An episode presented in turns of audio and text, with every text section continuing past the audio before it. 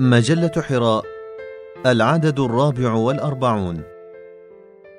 الأفق التربوي في بناء الإنسان عند الأستاذ فتح الله جلن. بقلم الدكتورة كريمة بو عمري.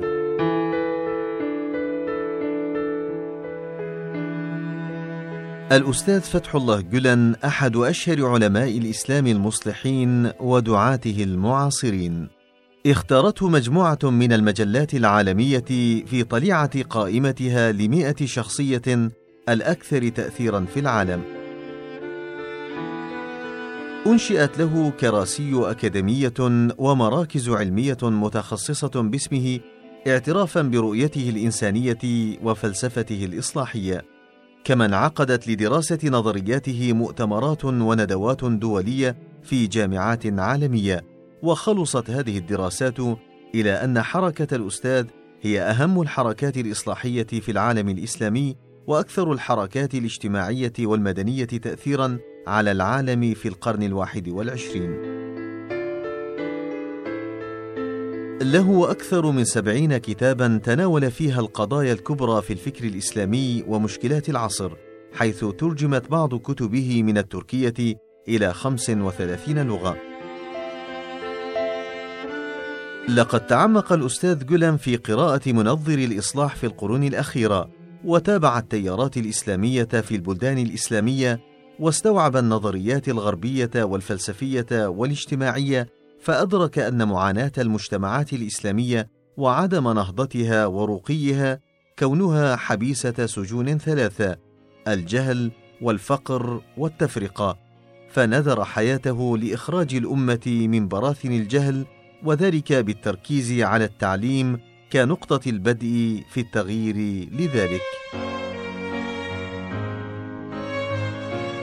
سعى ودعا إلى بناء منظومة تربوية تعليمية متكاملة تتناغم فيها الجوانب المادية والعقلية بالجوانب الروحية والأخلاقية، فجعل مشكل التربية والتعليم ضمن مواعظه ومقالاته وخطبه، ويكاد يكون هو الشخص الوحيد الذي تناول في تركيا هذا الموضوع تناولا حركيا وأوصله إلى الجماهير الواسعة.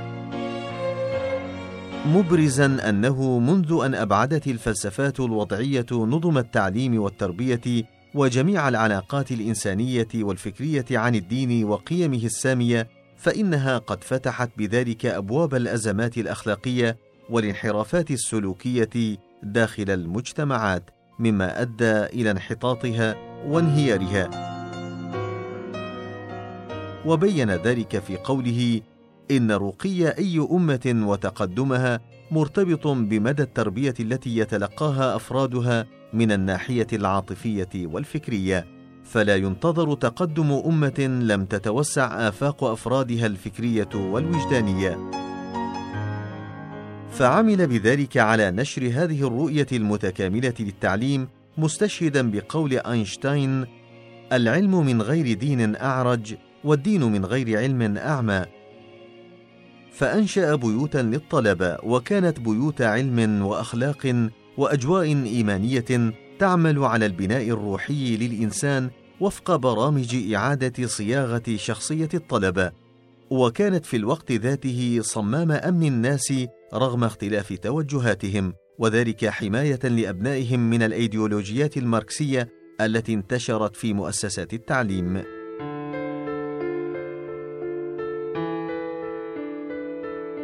بدأ التنافس في فتح هذه البيوت لما حققته من نجاح في بناء جيل جديد من الشباب التركي المؤمن بدينه المحترم لتاريخه وهويته. فكانت هذه البيوت فاتحة خير في إنشاء مدارس وجامعات داخل تركيا وخارجها حيث توجد اليوم أكثر من ألف مدرسة في تركيا وأكثر من ألف مدرسة خارج تركيا منتشرة في 160 دولة كما توجد أكثر من 20 جامعة متميزة في مختلف التخصصات.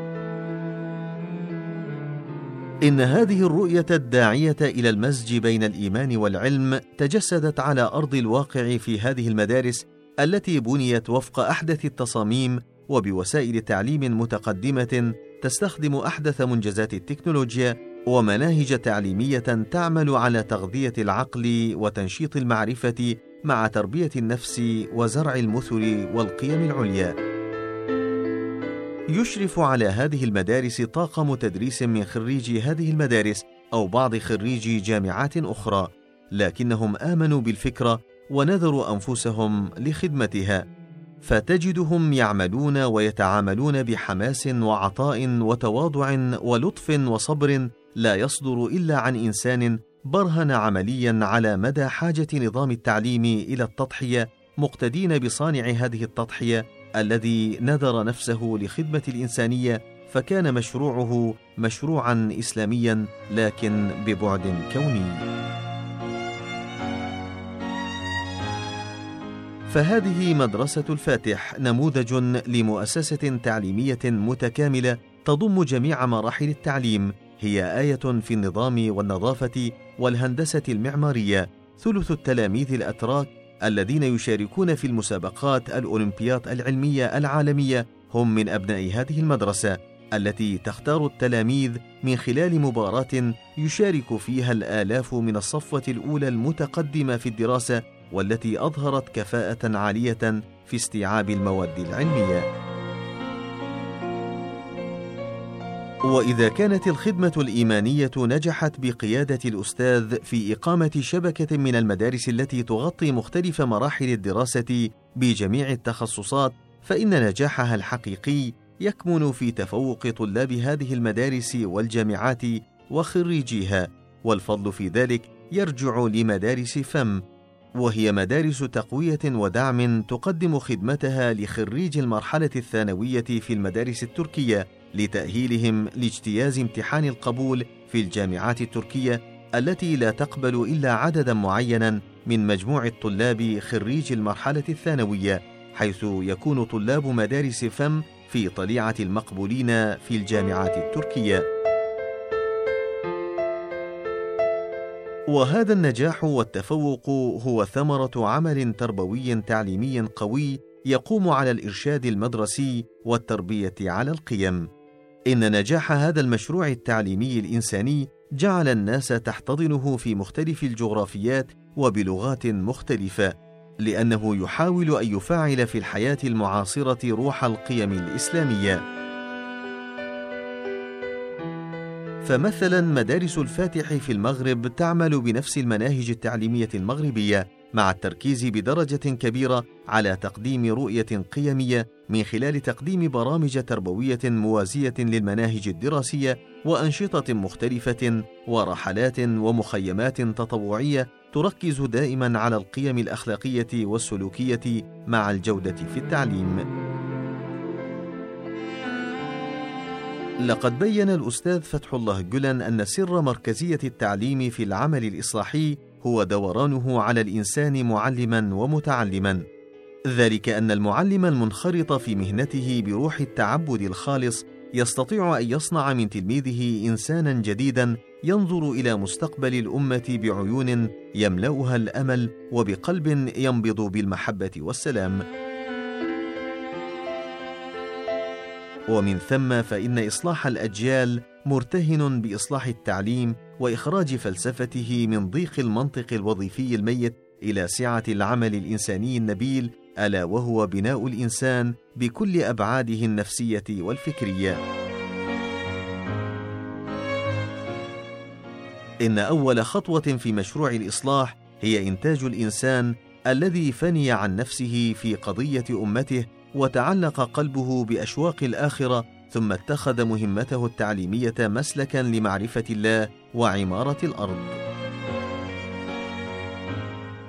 لقد انكب الأستاذ فتح الله جلن على هذا الصنف من البناء الروحي لهوية الإنسان من خلال إعادة ربط اتصاله بحبل النبوة والوحي المحمدي في تكامل مع مختلف البناءات التي يكتمل بها معمار الإنسان والذي يصير بهم مفتاحا لكل تقدم حضاري آمن وسليم. فمهما كانت خصائص الإنسان الوراثية والبيولوجية والفيزيولوجية فإنه يأخذ حظه من الآثار التي تولدها التربية الروحية. لذلك كانت الفلسفة الإصلاحية عند الأستاذ جولان تقوم على بناء روح الإنسان وصياغته صياغة ربانية تمس كل موطن منه وتهز كل وتر فيه لينخرط بكل كيانه وطاقاته في رفع البناء الذي أمره الله برفعه.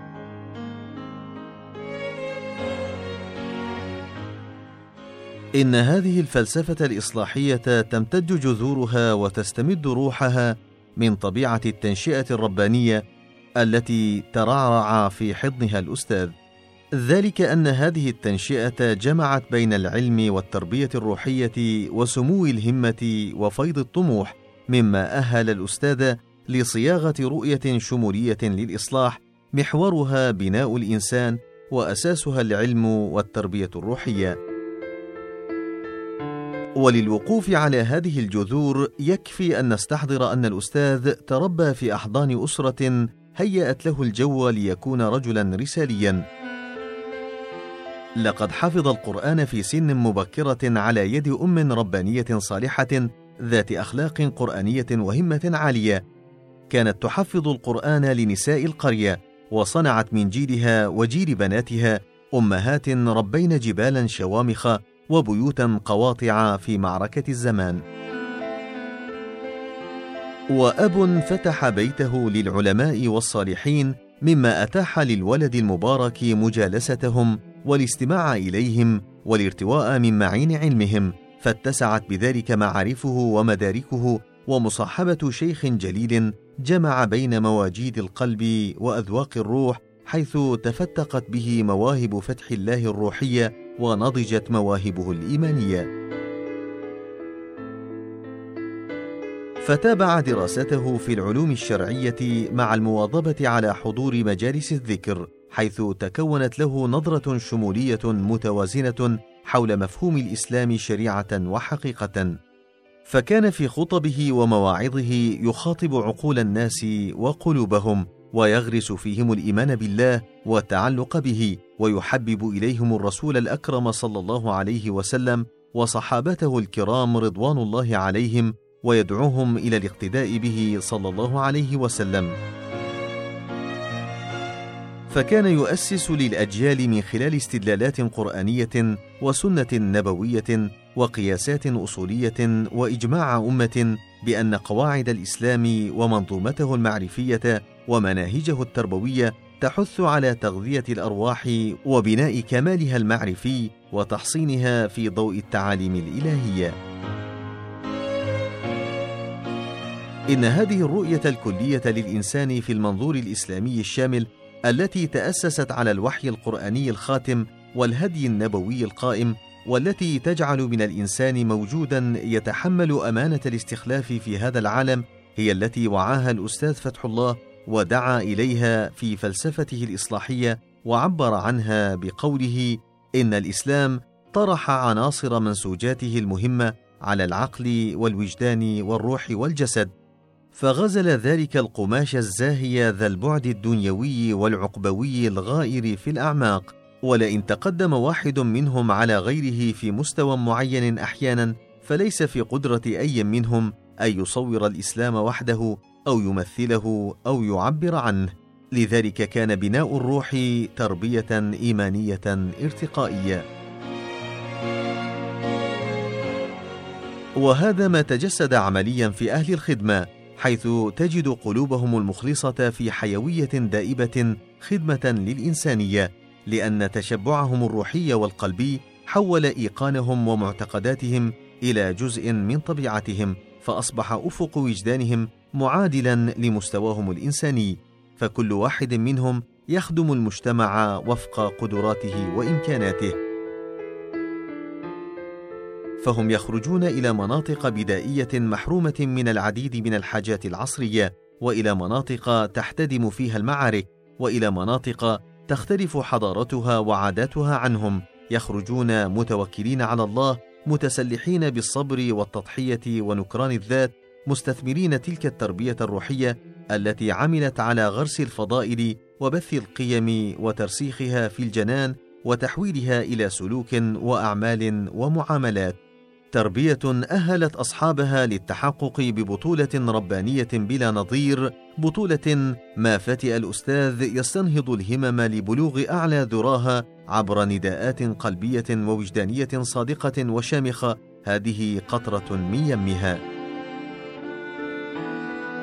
أيها البطل الذي نذر روحه للحقيقة هذا هو القلق الذي ينبغي أن يمور في أحشائك مورا ويهز كيانك هزا كي لا تنقطع تجليات الرعاية الربانية ومن ثم كلما عظم النجاح الذي تم على يديك بالغ في نكران ذاتك وأوغل في محو نفسك وتدلل أمام الله وانكسر بين يديه وأمعن في العبودية له. ذلك أحرى بك كي لا تنسحق تحت أثقال أنانيتك. اغرس هذه الفكرة في روحك وثبتها في قلبك حتى تصبح جزءا من كيانك وبعدا من أبعاد طبيعتك.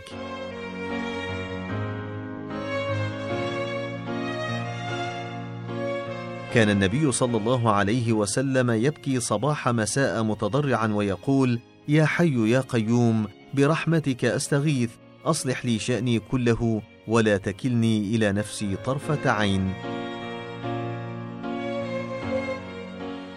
فإن اتخذت هذا الدعاء وردا لك لا يفارق لسانك ولا قلبك فقد وقيت من الانسحاق تحت حوافر النفس الجموح.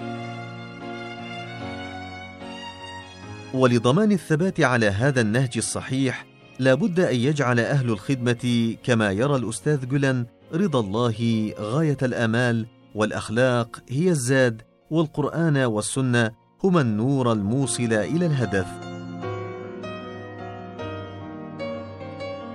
هذا هو الشيء الذي أكسب هذه الرسالة بعدا كونيا فوجدت الفكرة احتضانا في مختلف البيئات والمجتمعات الإسلامية كما أن تجلياتها عرفت نوعا من الازدهار والإبداع في مختلف مظاهر الحياة وهو ما يخرج الأستاذ إلى فضاء أرحب يجعله واحدا من المجددين في عصرنا الراهن.